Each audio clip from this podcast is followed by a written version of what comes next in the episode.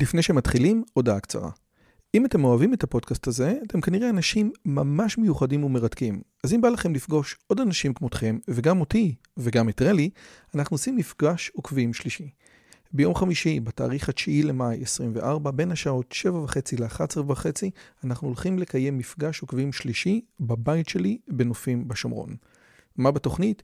מינגלין וכיבוד עם עוד עוקבים מרתקים כמוכם, הרצאה שלי, דיון לגבי הערוץ, ציור בסטודיו ובסוף קומזיץ ופיתות על הסאג'. הרשמה מראש היא חובה וניתן לעשות את זה בקישור שבתיאור הערוץ או לחפש את הלינק ביוטיוב. נשמח מאוד מאוד לראות אתכם. ועכשיו לשיחה.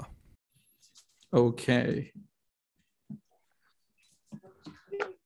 Hello guys and welcome to my show. This is the Roy Yosevich show. And in the show, I host and speak with the most interesting and influential people from all around the world to discuss science, religion, philosophy, and even linguistics. And my guest today is the world-renowned Noam Chomsky, or as we say it in, in Hebrew, Noam Chomsky.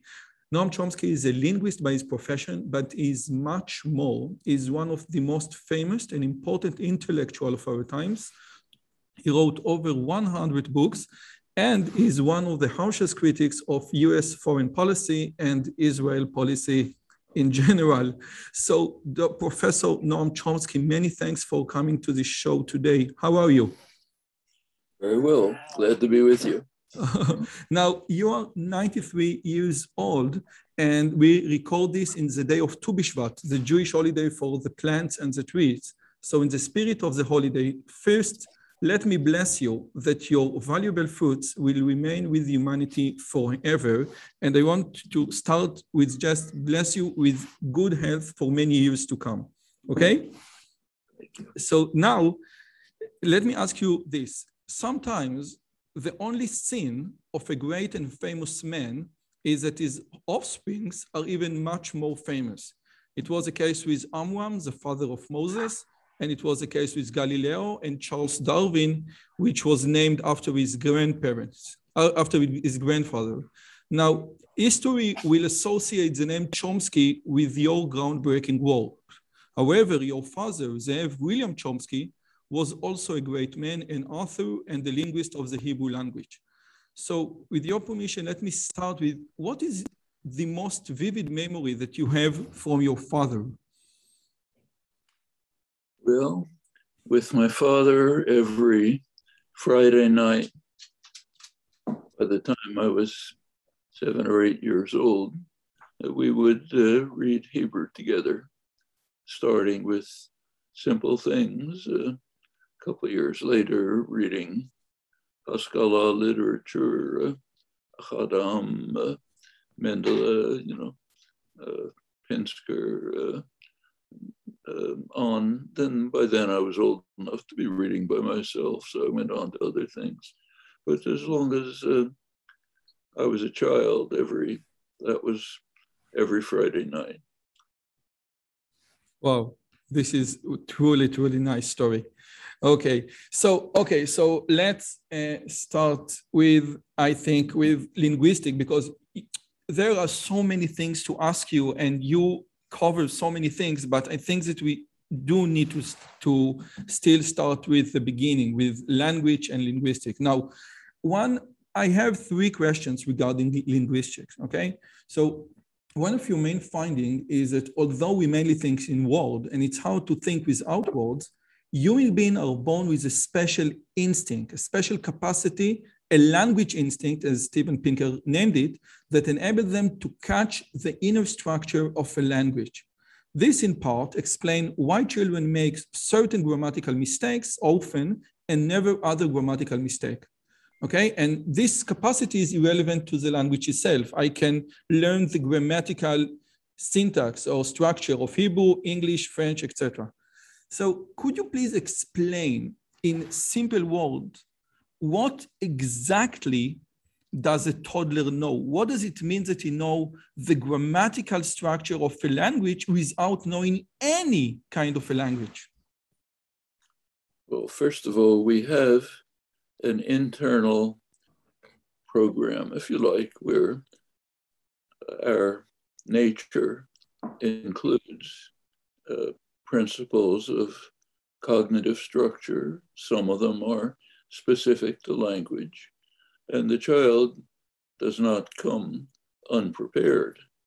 Uh, same with vision and other capacities. We're organic creatures which have a genetic endowment.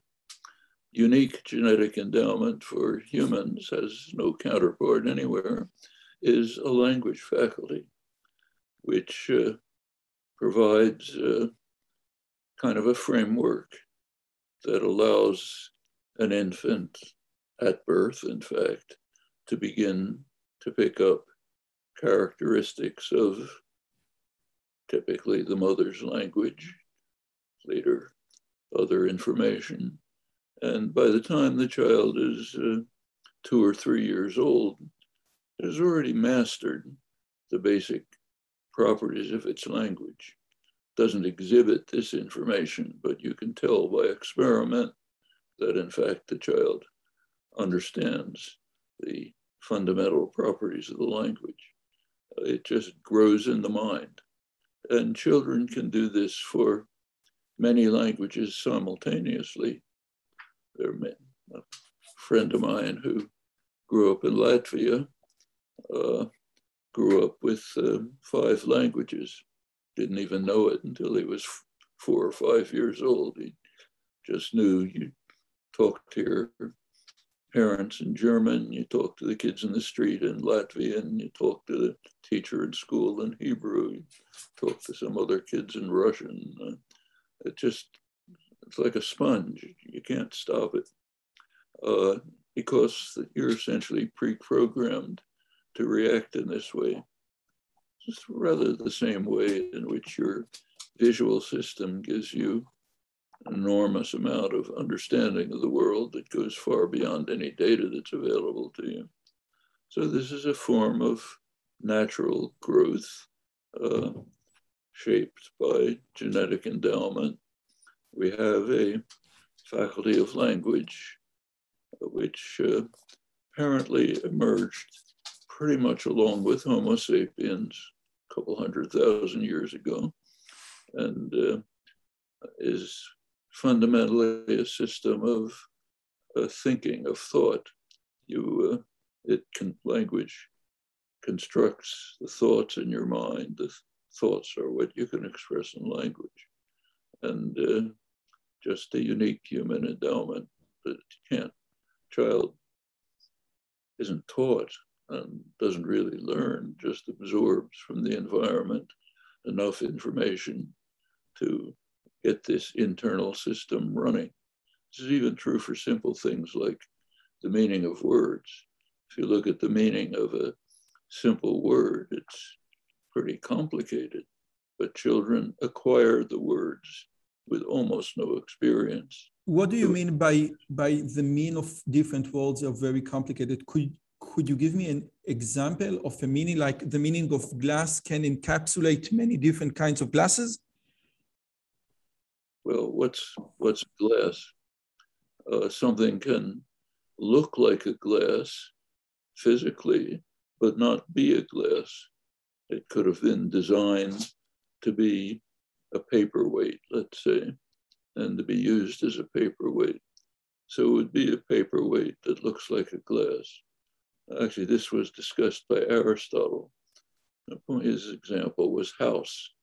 He said, uh, What's a house? Well, in his metaphysics, a house was an amalgam of matter and form the matter of the house is the timbers, the bricks, and so on. The form is the the design, purpose. The purpose, the intention, the characteristic use, and so on. Now, a child has no information about this. Child, there's no data that says you have to understand every object in terms of both the matter of which it's composed and the design and the uh, usage and the intentions and so on. It just comes automatically because that's built in. And when you look beyond, it's far beyond that.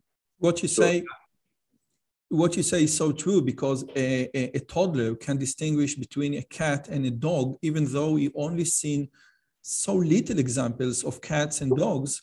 And therefore, it brings us back to the idea, to the idea world of Plato, where the, like we, we have like the, the, the, the idea of what a cat is. Now, my question is, according to the Torah, what distinguishes human beings from other species is the ability to talk. This is, was in Genesis, where when God said, okay, you are special, he gave, he gave us the ability to talk. Now, Roger Scruton, in, the, in his book, The Human Nature, uh, said, we have something that is completely different than mammals that can understand words. We have chimps that can understand like 200 words, but any, any uh, Chomskyan linguistic, we laughed at those tries to attribute language to, to, to chimps. Would you agree on that? That our faculty, what we have as human beings, is inherently different in the context of language than other very sophisticated mammals?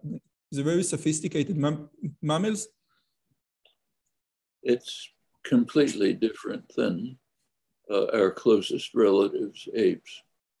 So there have, in fact, been extensive efforts to try to train chimpanzees, gorillas, uh, extensively to see if you can get any language like behavior out of them. And you simply can't. I mean, the, the most extensive experiment was actually named after me. It was called Nim Chimpsky. very good psychologists, uh, some former students of mine, good researchers, tried to raise a chimpanzee from infancy about the way you'd raise a child, except that they worked very hard on it with extensive training. Child doesn't get any training, just picks it up. But they worked really hard to try to train the chimpanzee to do something language like.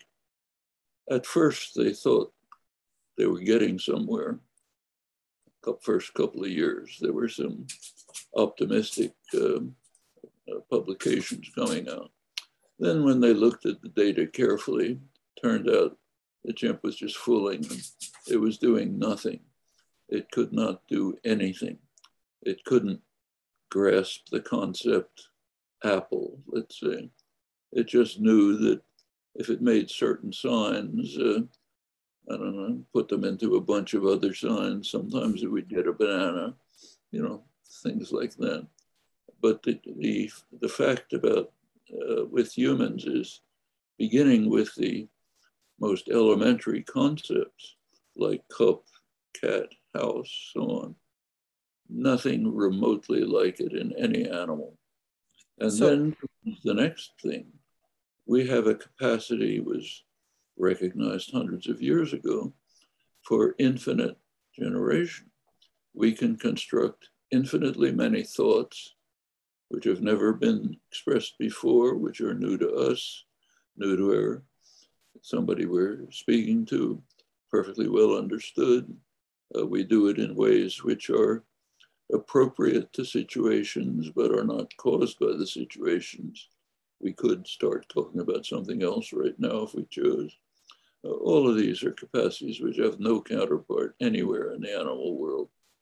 It's a, so in capacity for construction of thoughts, expressing them, using concepts that don't exist anywhere in the organic world. So, so all of this is new with humans.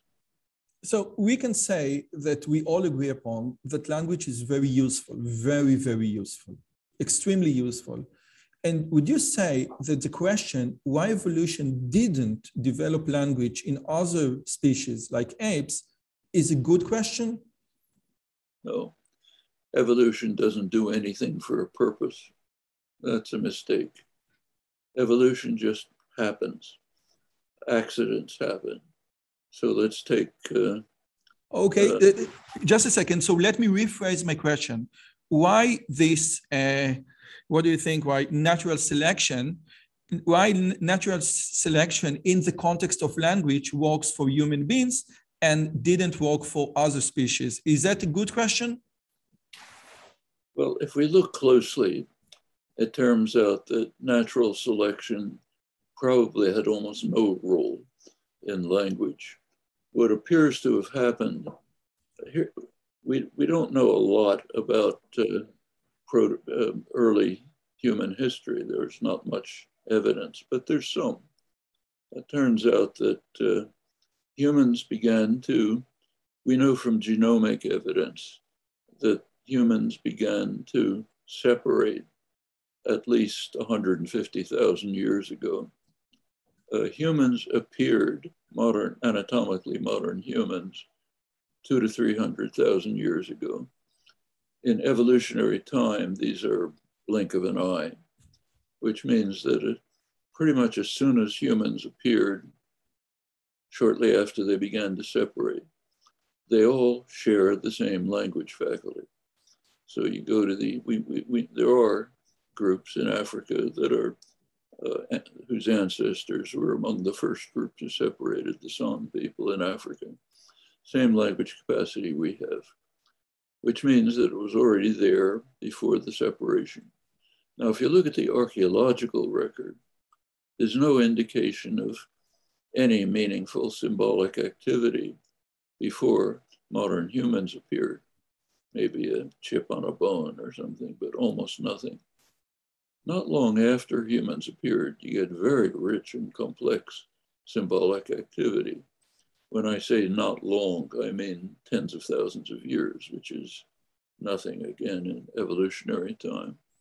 What appears to have happened is that some small change took place, rewiring of the brain, probably some mutation. Uh, nature did what it always does in such a case, constructed the simplest way of dealing with the new disruption, which happened to be language. And it hasn't changed since. But, that seems to be pretty much the story of language. But my question is what would you say to a person who learned seriously your work and said, wow, Chomsky really, you know, really has a point. And now, after reading Chomsky's work, I now no longer think that we are in the same line with, with the animal kingdom. I think that what Chomsky showed that there is something inherently different in human beings that distinguish them from all other animal kingdom. Would you say that this conclusion stems for your work? That's true of almost every animal you think of. I happen to live in the desert. And uh, if I look at the desert ants out in my backyard, uh, they have incredible cognitive capacities that humans can't begin to duplicate. Their navigational capacities are incomparably beyond anything that humans can achieve, except with complicated instruments. So they can determine whether they're in the northern or southern hemisphere. Uh, they can uh, uh, tell where the azimuth of the sun is, the point right below where the sun is. Uh, can, they can wander around the desert, find some food, go straight back to the nest, dead reckoning it's called, which humans can't do. They're unique. Okay. It's a good answer, but uh, okay, okay, but Anyway, it's a good answer. Another question that I have now, a common wisdom today that the theory of the book 1984 is wrong. In other words, you can express any idea in any language. And if you don't have a particular word in a particular language, you will eventually come up with a, with a new word for this. Now, but after reading some of Guy Deutscher's uh, work, do you think that although this is the case, the language itself in some aspect color the thinking of people. So we said, if you think in one language, in one language, it, it will color the way you look at the world, your thinking process, or there is no coloring whatsoever. There is a thesis, it's called the Sapir-Whorf hypothesis, uh, which goes back about 80, 90 years. Yes, but after your work, Sapir was before your work. I, I say after your work, after your after what Chomsky and Pinker have shown us, after everything. Now, do you think that in some aspect, not all the aspect, we language does make does make a difference? Well, I was saying this thesis has been explored experimentally for about 70 years now in efforts to try to show that the language you speak shapes your understanding of the world, your interpretation of things, uh, your perception, and so on. Very little evidence. Uh, there's superficial changes, like in a language that doesn't have words in a certain region of the color spectrum, say the red pink spectrum. Well, their speakers of that language will have reduced limited capacity to make distinctions that you have if you have the words. But that's trivial. You have oh. a way of using it. But there's almost nothing that's been found that goes beyond that. So there are many languages, mostly, uh, except for, you know, great number of languages, have no words for numbers beyond the small numbers, maybe up to four or five. But when you investigate those people, Turns out they have the number concept. They just use other means to express it. So if they want 10, they'll go like that. You know, if they move into a market economy, they can handle it in no time. So the concepts are all there, and uh, they come out. They're probably some marginal different. Well, you're bilingual. You can ask yourself. Uh, basically, you see the world the same way.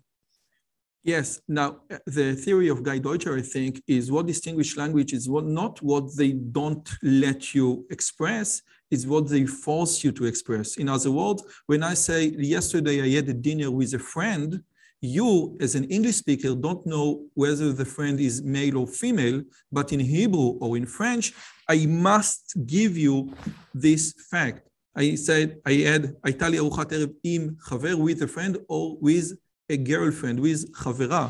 So Hebrew and French force you to give this certain types of facts that English doesn't force you to give. Yeah. Now, but the question have, is, okay, have, so what? Okay. You have the same thoughts. Yeah. You just express them in slightly different ways.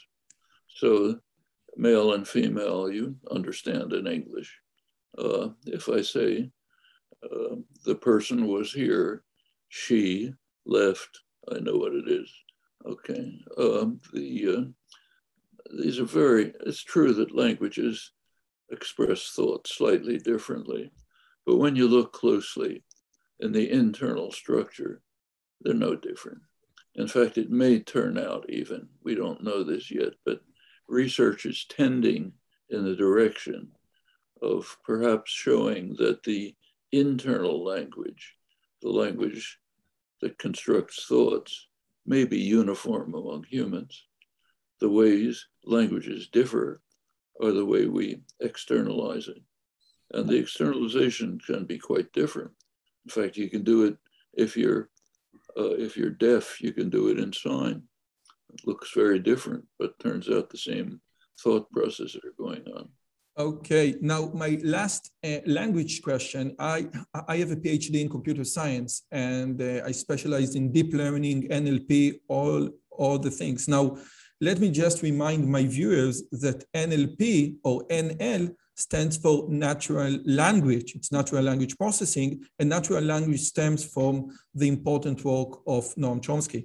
Now, now that we have GPT-3, that we have BERT, that we have all the insanely smart models of understanding natural language.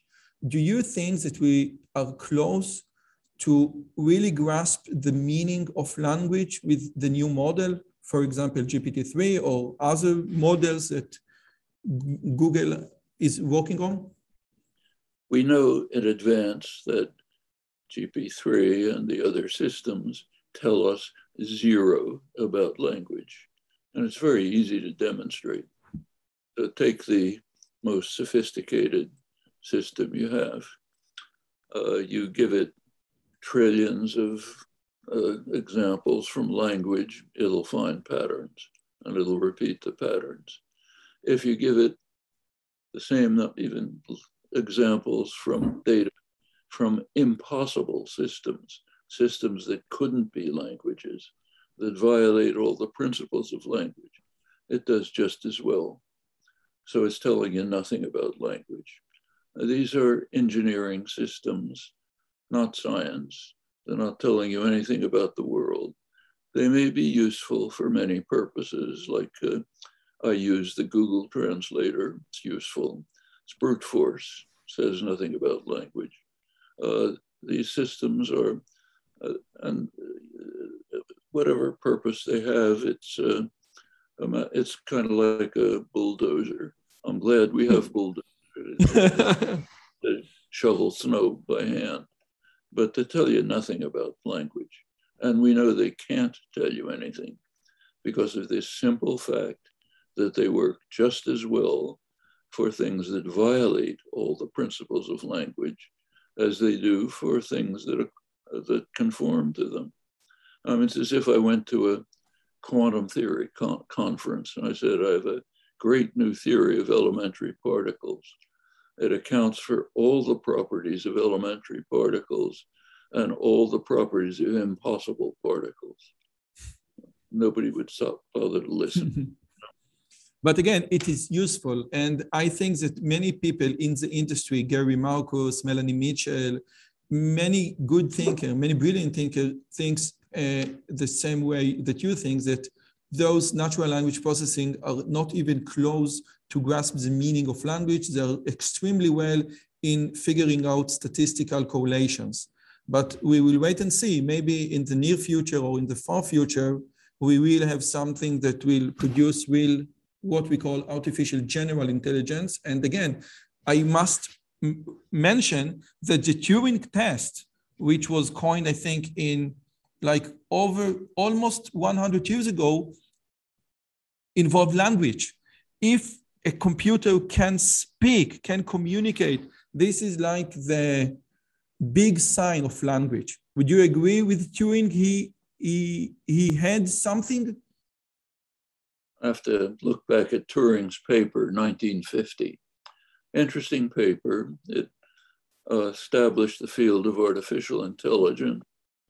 Uh, Turing in the paper says the questions whether machines think is too meaningless to deserve discussion. Okay.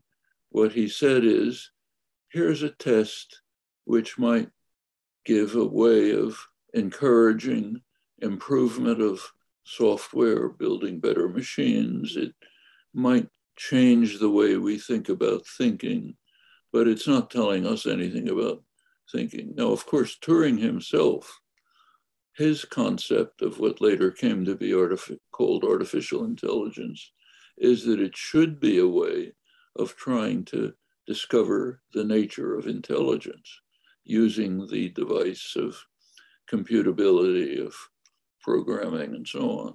Now, artificial intelligence split into two different directions. There were people like Turing, Marvin Minsky, one of the founders of the field, friend of mine, others, who did want to pursue Turing's program to develop systems that would give, shed some light on human intelligence through the method of model, modeling by programming.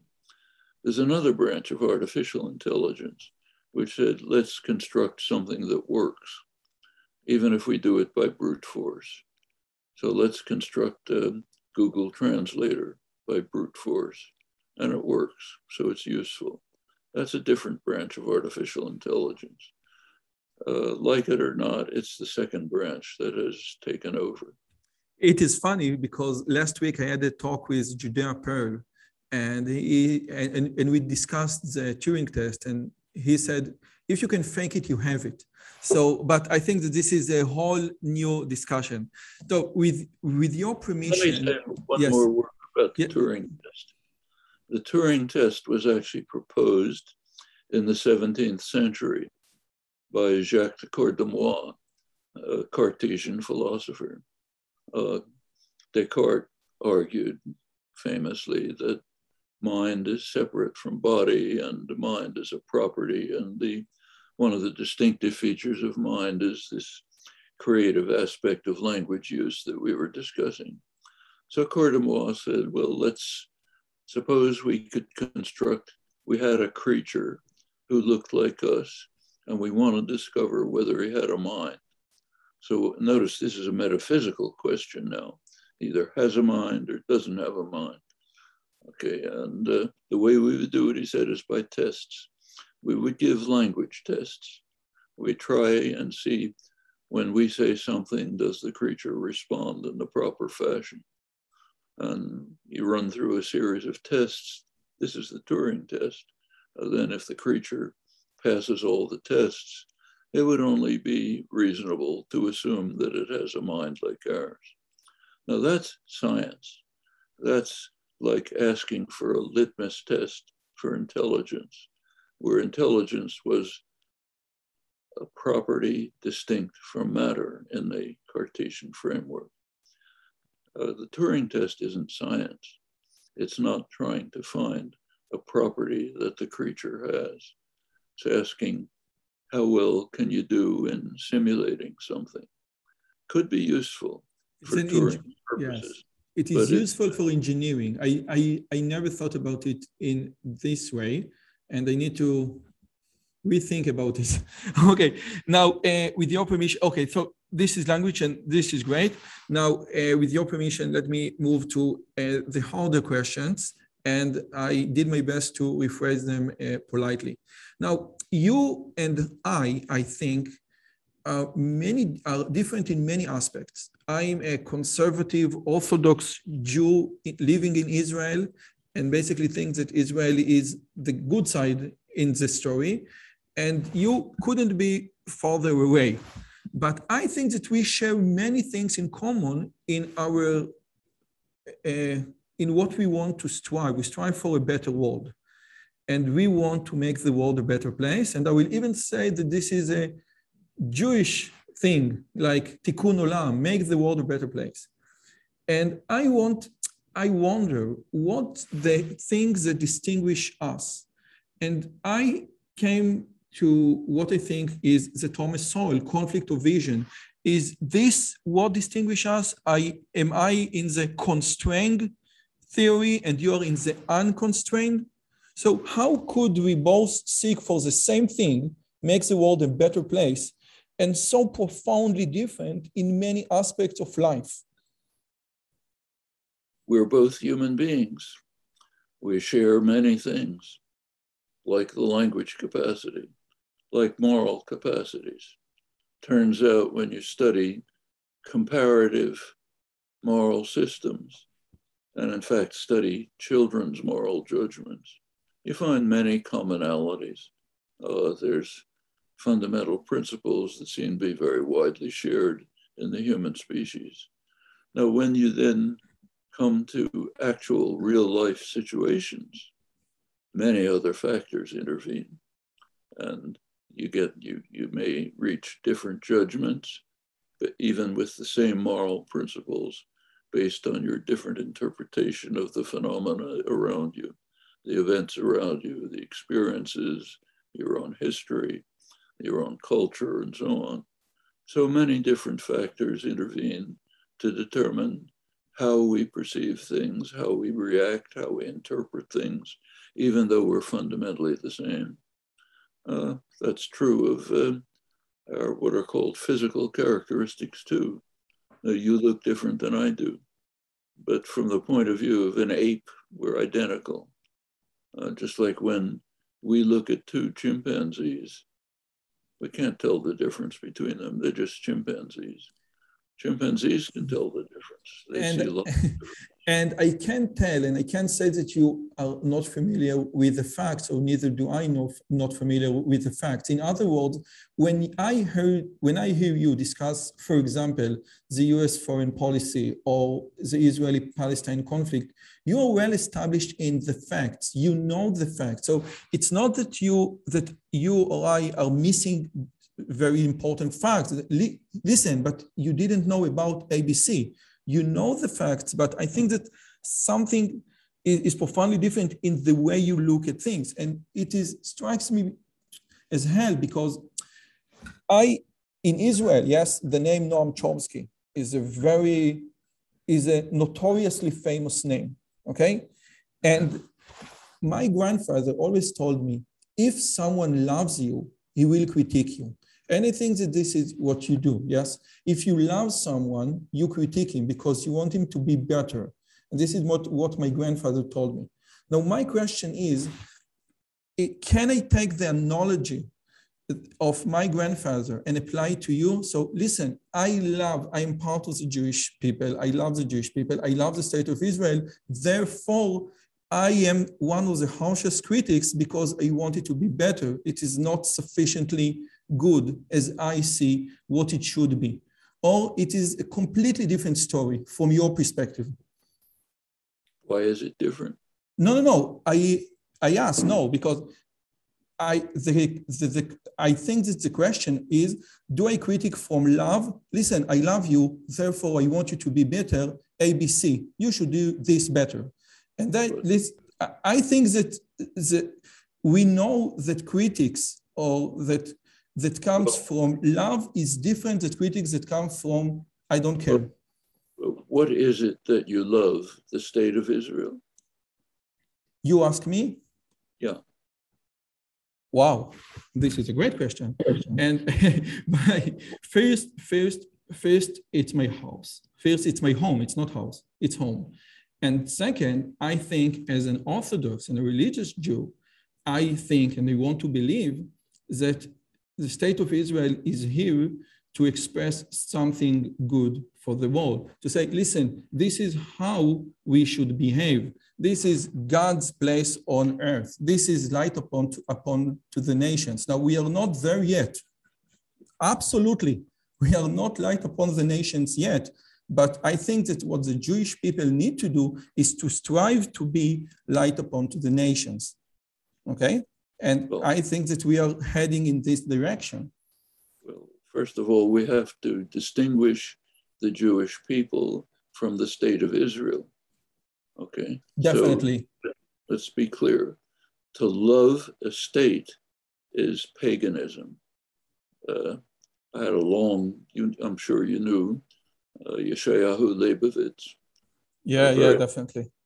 I had a very long discussion with him about this uh, must have been 30 years ago, 25 years ago. Uh, he, he regarded, like you, he's an Orthodox, he was an Orthodox Jew.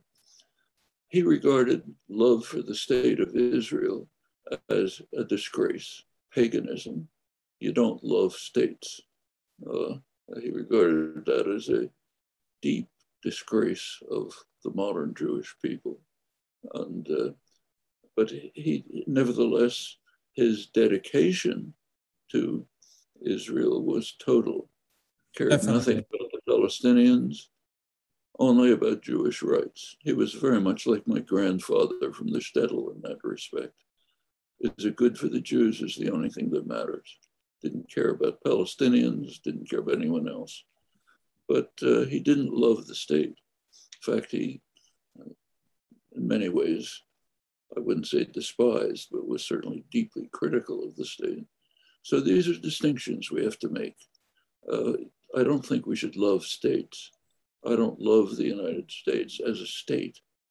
I, ha- I don't love the state of Israel. I don't love the state of France or any other one. You shouldn't love states. Yes, but you it's like that you say that I don't love the flag because the flag is just a piece of cloth. And you are absolutely right the flag is a piece is a, just a piece of cloth but what we say about the flag is what this piece of cloth represents to us usually yes it's not that the piece of cloth is meaningful is the meaning that we imply to the piece of cloth. Would you agree? So you should have, if you happen to be concerned about Israel, either because you live there, like you, or because it's just part of your culture, history, background, like me, then you want the state of Israel, the, commu- the community, the state to be as best as possible. You're in favor of tikkun olam, starting with Israel and every other country. Okay. Okay. If you have interested in, if you have a special interest in Luxembourg, you want Luxembourg to live up to the best ideals and so on. So you have you have a special interest in the community of Israel as Yes. part of your heritage. And what you and, and, and you consider your work and your and I think that you have a very harsh, very strong, strong, and in some ways true critics for the Israeli policy. And this is part of your listen, I want Israel to be as best at, as it can be, the community, not the state as soil and, uh, and sand. Yes? Uh, I'm not sure exactly what you're driving at, but it's true that it's part of, as I said, starting with my childhood, uh, reading Hebrew with my father every night. That's a, a part of my life ever since then. So, of course, I want the state to live up to the best values and ideals. Uh, and I, I'm very different from Yeshayahu Leibovitz, but on that we agreed. No, when, yes.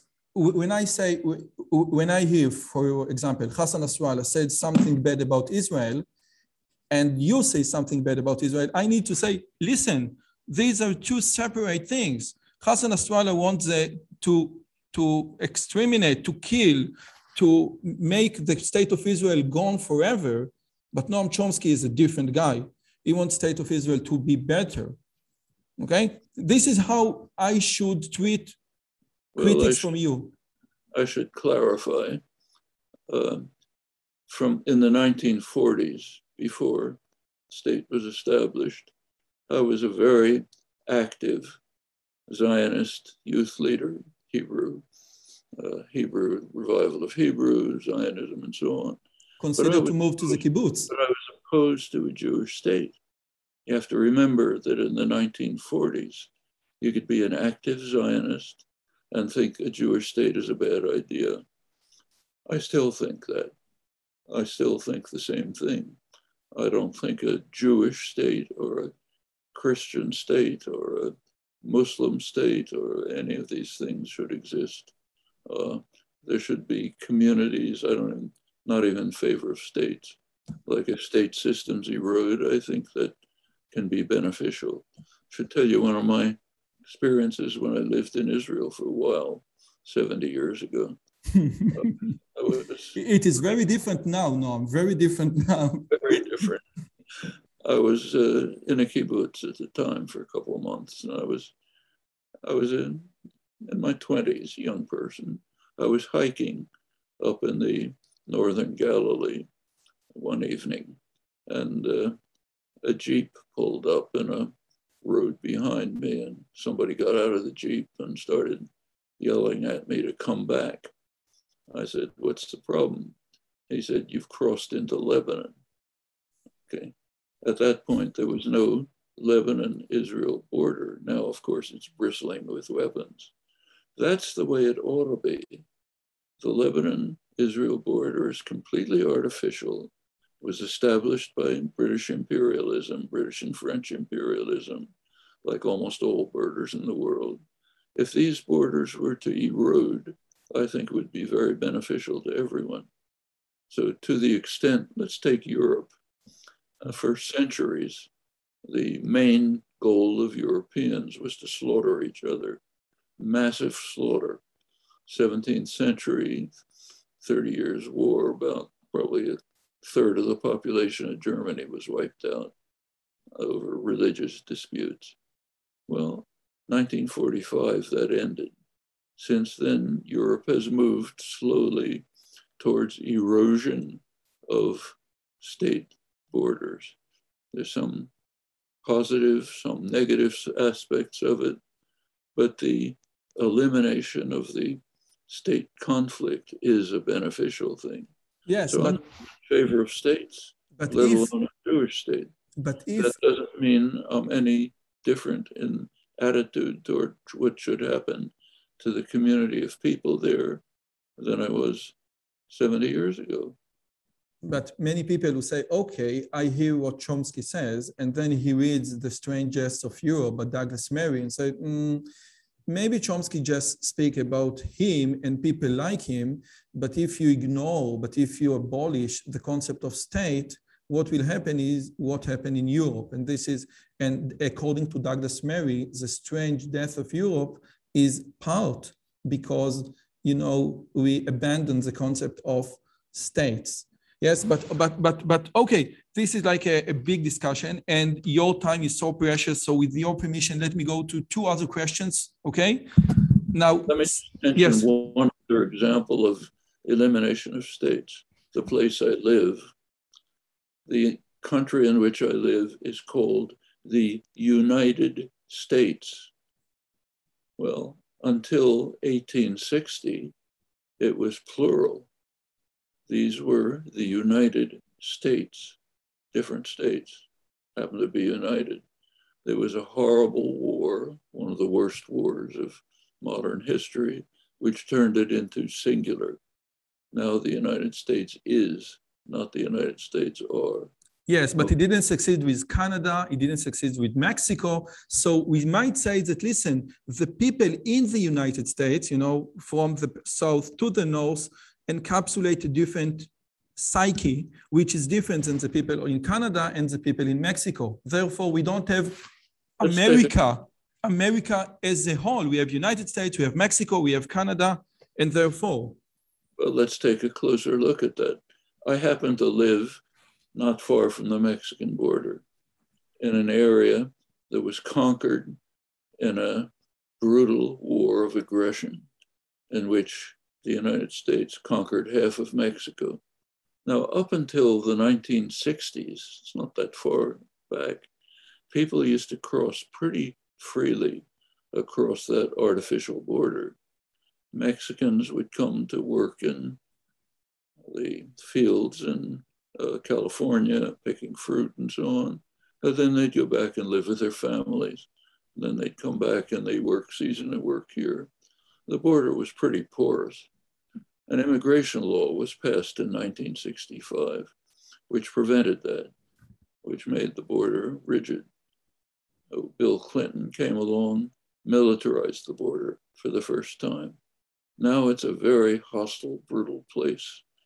Uh, people fleeing from horrible circumstances in Central America are criminalized brutally when they reach the border, not even given their legally required rights of asylums. That's a step backwards. The free passage, relatively free passage across the border was much more civilized. Now, okay, and this is a good a good point to raise, and another point to raise against it is uh, like a chicken egg question, which comes first? And uh, you are absolutely right that borders do make some tension. The only question that we as conservative ask is what's the alternative? Is maybe, maybe sometimes the alternative even worse. So again, because your time is so precious, let me ask you another two questions. Now, sometimes during the learning process, we come across a truth that changes the way we view the world similar to wearing a colored glasses that tint our perspective and change our understanding. Now, this process happened to me during my research on human intelligence. Suddenly, many phenomena seems much easier to explain when wearing those symbolic intelligent glasses. And my question to you is, did you ever come across such a truth that made you look at many different phenomena in a new way? Sorry, I didn't grasp the question. Again, when I when I learned about human intelligence and, and when you put like the intelligent glasses, suddenly many truths, many phenomena in, in, in society, for example, the bell curve, seems much easier to explain using these intelligent glasses. So you, you grasp and you understand the world in a different way when putting the intelligence ingredient. And my question, did it ever happen to you when you suddenly many different phenomena became so vividly clear after you learned a new concept that something new that, oh wow now i understand so so many phenomena in a different way. Happens all the time. In scientific work it's common.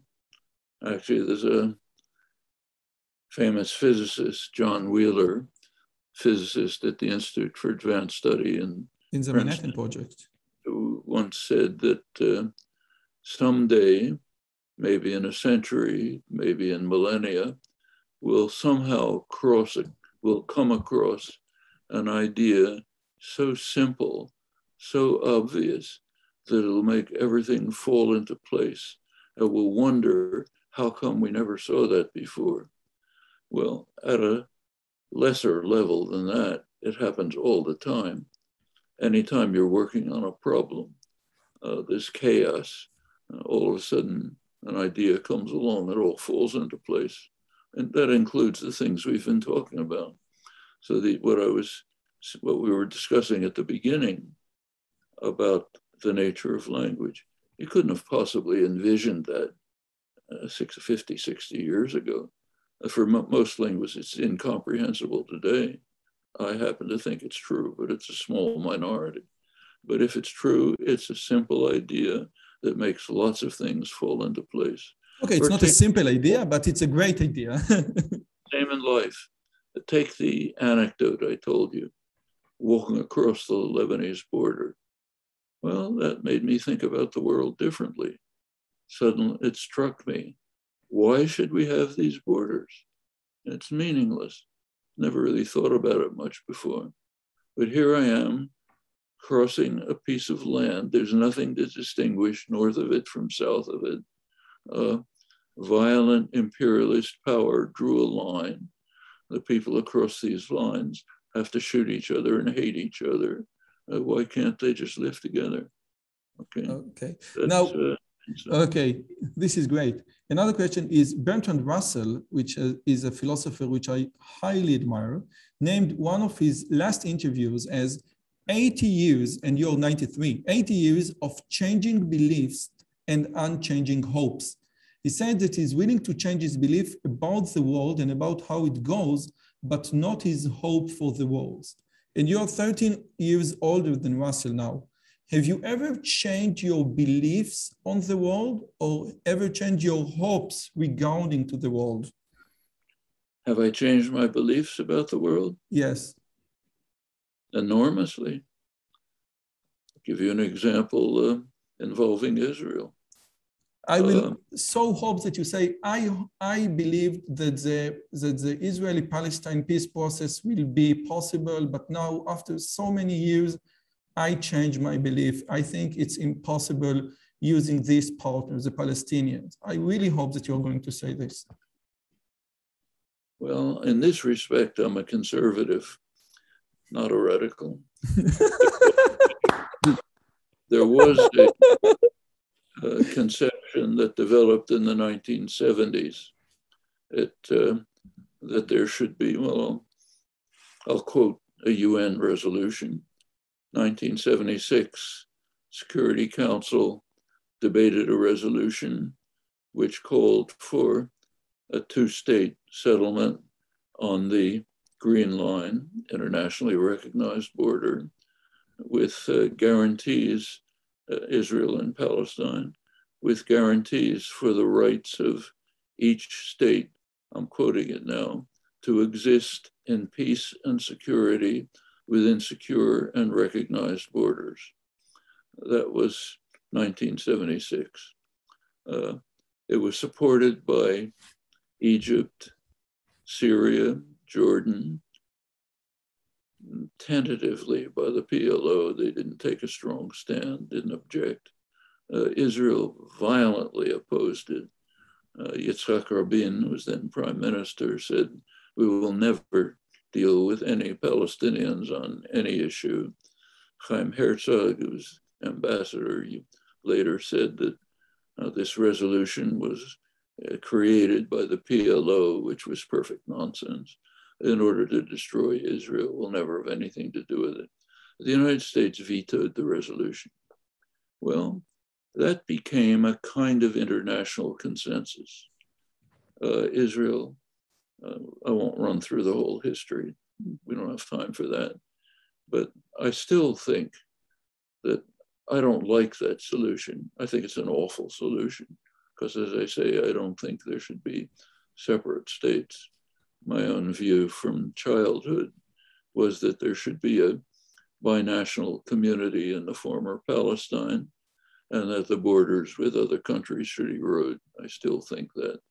But in the short term, uh, I think something like that Security Council resolution is the best, let's say the least bad of short-term options. And I think it's still realizable. So you didn't change your beliefs? Well, you said, yes, I, I, I will give you an example regarding Israel. I said I'm a conservative on that. Yes. I still, I still hold both beliefs that this is a the best, the least bad of short-term options, and that the long-term option should be a binational community with erosion of borders that brings in relations with the surrounding areas long term.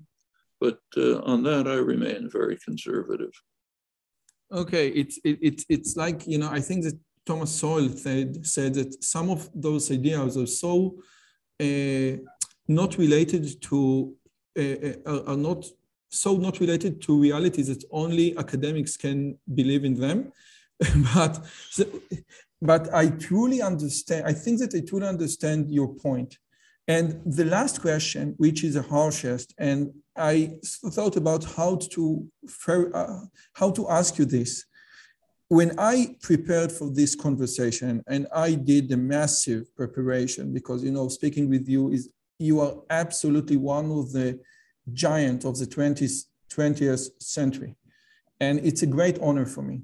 And when I prepared for this conversation, uh, many people, many people in Israel and many people in the Orthodox community in the US refer to what you're doing as, and let me quote them, as a self-hating Jew. And you yourself, you yourself, when you, uh, uh, when you quote them, you say that they, they are saying that you are Ocher Israel. And again, what your answers to them is we know, guys, you don't uh, pay attention to what I said, just who am I? It doesn't matter. Could you please, could you please uh, be more systematic? Uh, uh could you please uh, answer to my arguments and not who am I? And I think that you are absolutely correct. But my question is, do you think that there is such a phenomena as a self-hating Jews, or it's it's a it's a conservative bullshit. Well, let's go back to the origins of this. It's Abba Eban in 1973, so 50 years ago. He wrote an article in the uh, Congress Weekly, the Journal of the American Jewish Congress, the more liberal of the National Jewish Organizations. And in it, he gave instructions to the American Jewish community. He said, It is your responsibility to show that anyone who is critical of Zionism, by which he meant critical of his government, the Mapai government, anyone who's critical of this is either an anti Semite or a self hating Jew. So that's 100% of criticisms. Can't have any criticism.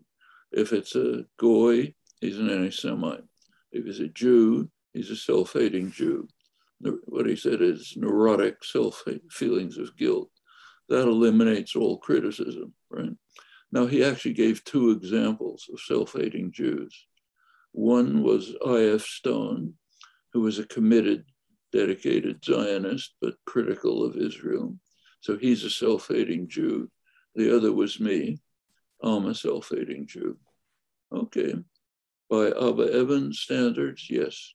I was critical of his government.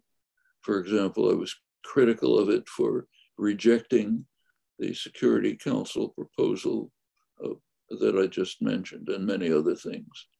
But does that make me a self hating Jew? Well, if that's true, let's go back to Yeshayahu Leibovitz. Was he a self hating Jew? He took a much more strong view than I do. I'm sure you recall. He said at the time that if you do not seem you do not seem yeah yeah yeah definitely but no again i don't want to address the question to you personally i want to go to the broader sense and say you know i think that you are absolutely correct the mere fact that i'm going to critique your policy doesn't mean that i'm either anti-semite or self-hating jew and this is tautological because in other words no critics is possible and you are absolutely correct about this, absolutely. But my question is, we know now for a fact that there were Jewish who Jews who helped during the Inquisition. Okay, we know that there were Reformed Jewish helped during the uh, Nazi regime. Now, this is something completely different from Yeshayahu Leibowitz. Yes, but my question is, when I even even the holiday of Hanukkah, the first guys which the Maccabees went to were the Hellenic Jews, the Jews that went with Greece against, against the Maccabees. So my question is, if you go, if we go back in history to in, in Inquisition, Hanukkah, and Reformed Jews in Germany with the Nazi regime, can we encapsulate those phenomena and say, yes, there is a social phenomenon, which is a self-hating Jews that emerges. I don't know why. Or you say, no, no I, I don't buy into this. Um, I mean, we have to look at them. Take the Maccabees. You go back to that time, there were plenty of people who we would call Jews who were opposed to the Maccabees. They didn't want us, they regarded them as a terrorist organization that's causing, uh, that uh, they don't want to be part of. They weren't self-hating Jews. Uh, similarly, the uh, the Jews who didn't want to join the uh, um, Bar Kokhba were not self-hating Jews. They had a reason for their position. In retrospect, made some sense. Uh, go back to the Holocaust. I mean, you ask about the Jews who cooperated with the Nazis. It was pretty horrible, but look at their situation. Can we just simply condemn them from our superior point of view? Suppose you're in that situation. I think they made a rotten, horrible choice, but it's not beyond our capacity to understand. You okay. At, okay.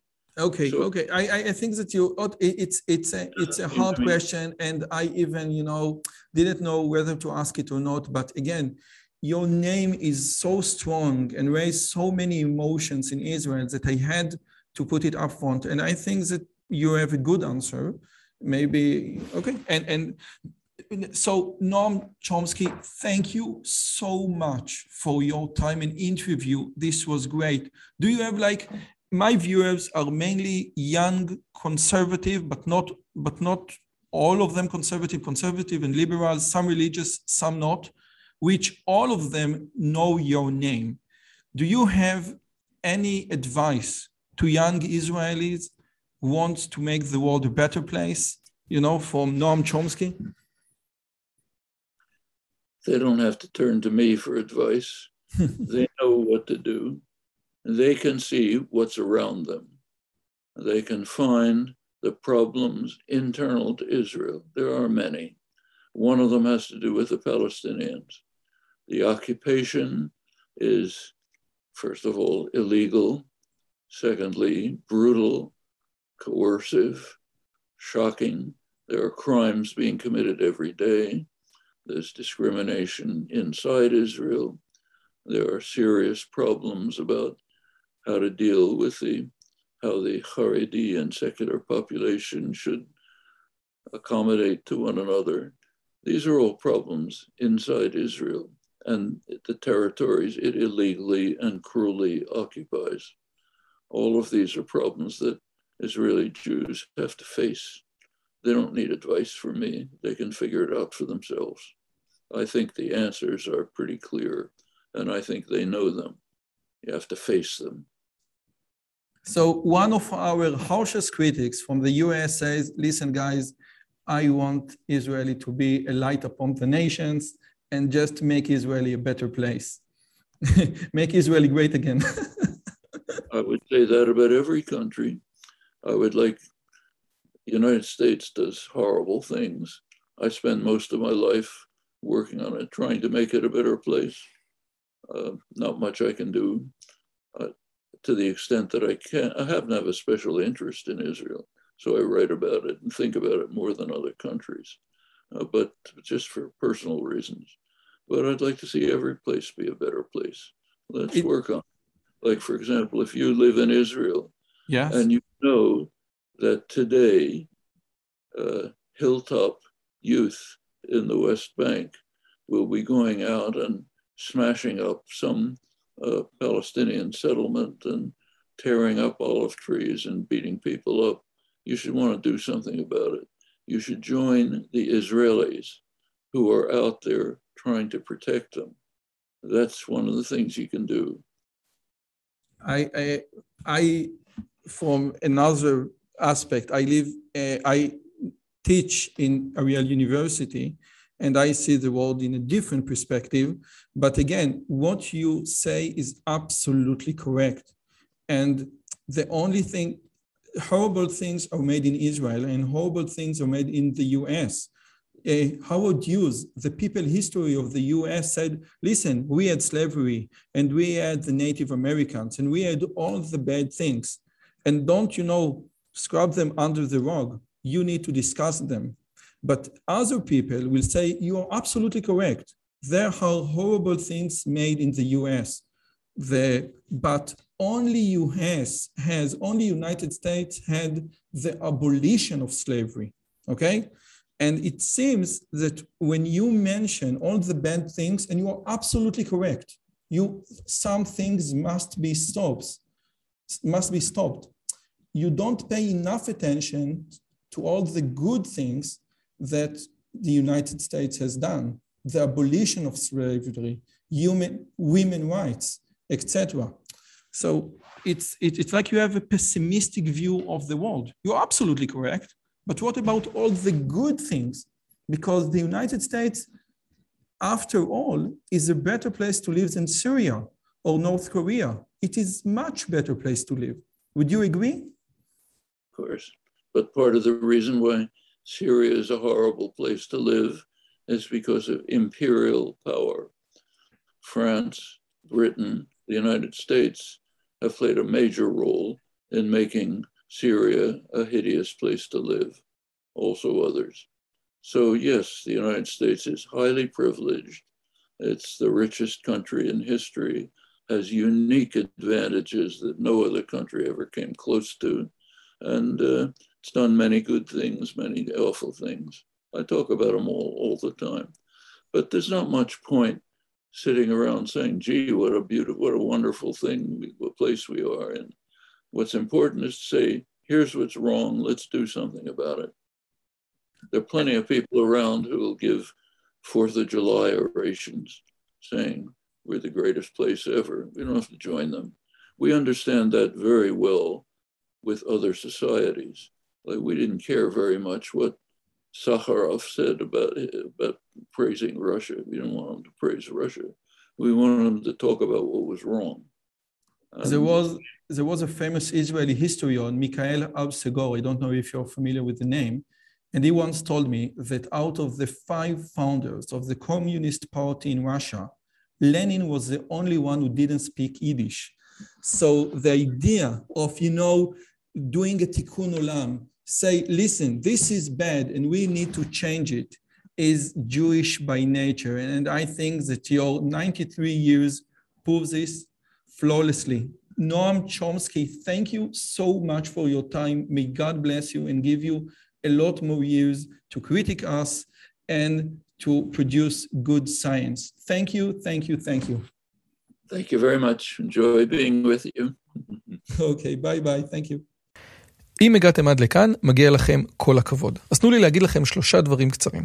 הדבר הראשון, אם שמעתם משהו בשיחה שמעניין אתכם, שאתם רוצים לקחת הלאה, פשוט ספרו אותו לאנשים אחרים. משהו מעניין שאני אמרתי, משהו מעניין שהאורח שלי אמר, איזשהו רעיון שאתם רוצים לקחת איתכם לחיים, פשוט ספרו אותו לחבר או לחברה. זאת הדרך הטובה ביותר לזכור את הרעיונות מתוך השיחות האלה. הדבר השני, אם אתם רוצים לקחת חלק בקהילה שלנו ולפגוש ולדבר עם אנשים כמוכם, אתם מוזמנים לערוץ הטלגרם שלנו, שווה לכם מאוד. פשוט תראו עוד אנשים שמתעניינים מדברים מגניבים בדיוק כמוכם. והדבר האחרון, אם אתם יכולים, דרגו את הערוץ שלנו באפליקציית הפודקאסטים שלכם, זה יכול להיות בספוטיפיי, באפל פודקאסט או בגוגל פודקאסט, זה תהליך קצר של שתי שניות, הוא מאוד מאוד יעזור לנו להפיץ את הבשורה הלאה. שיהיה לכם כיף גדול וכיף בשיחה הבאה.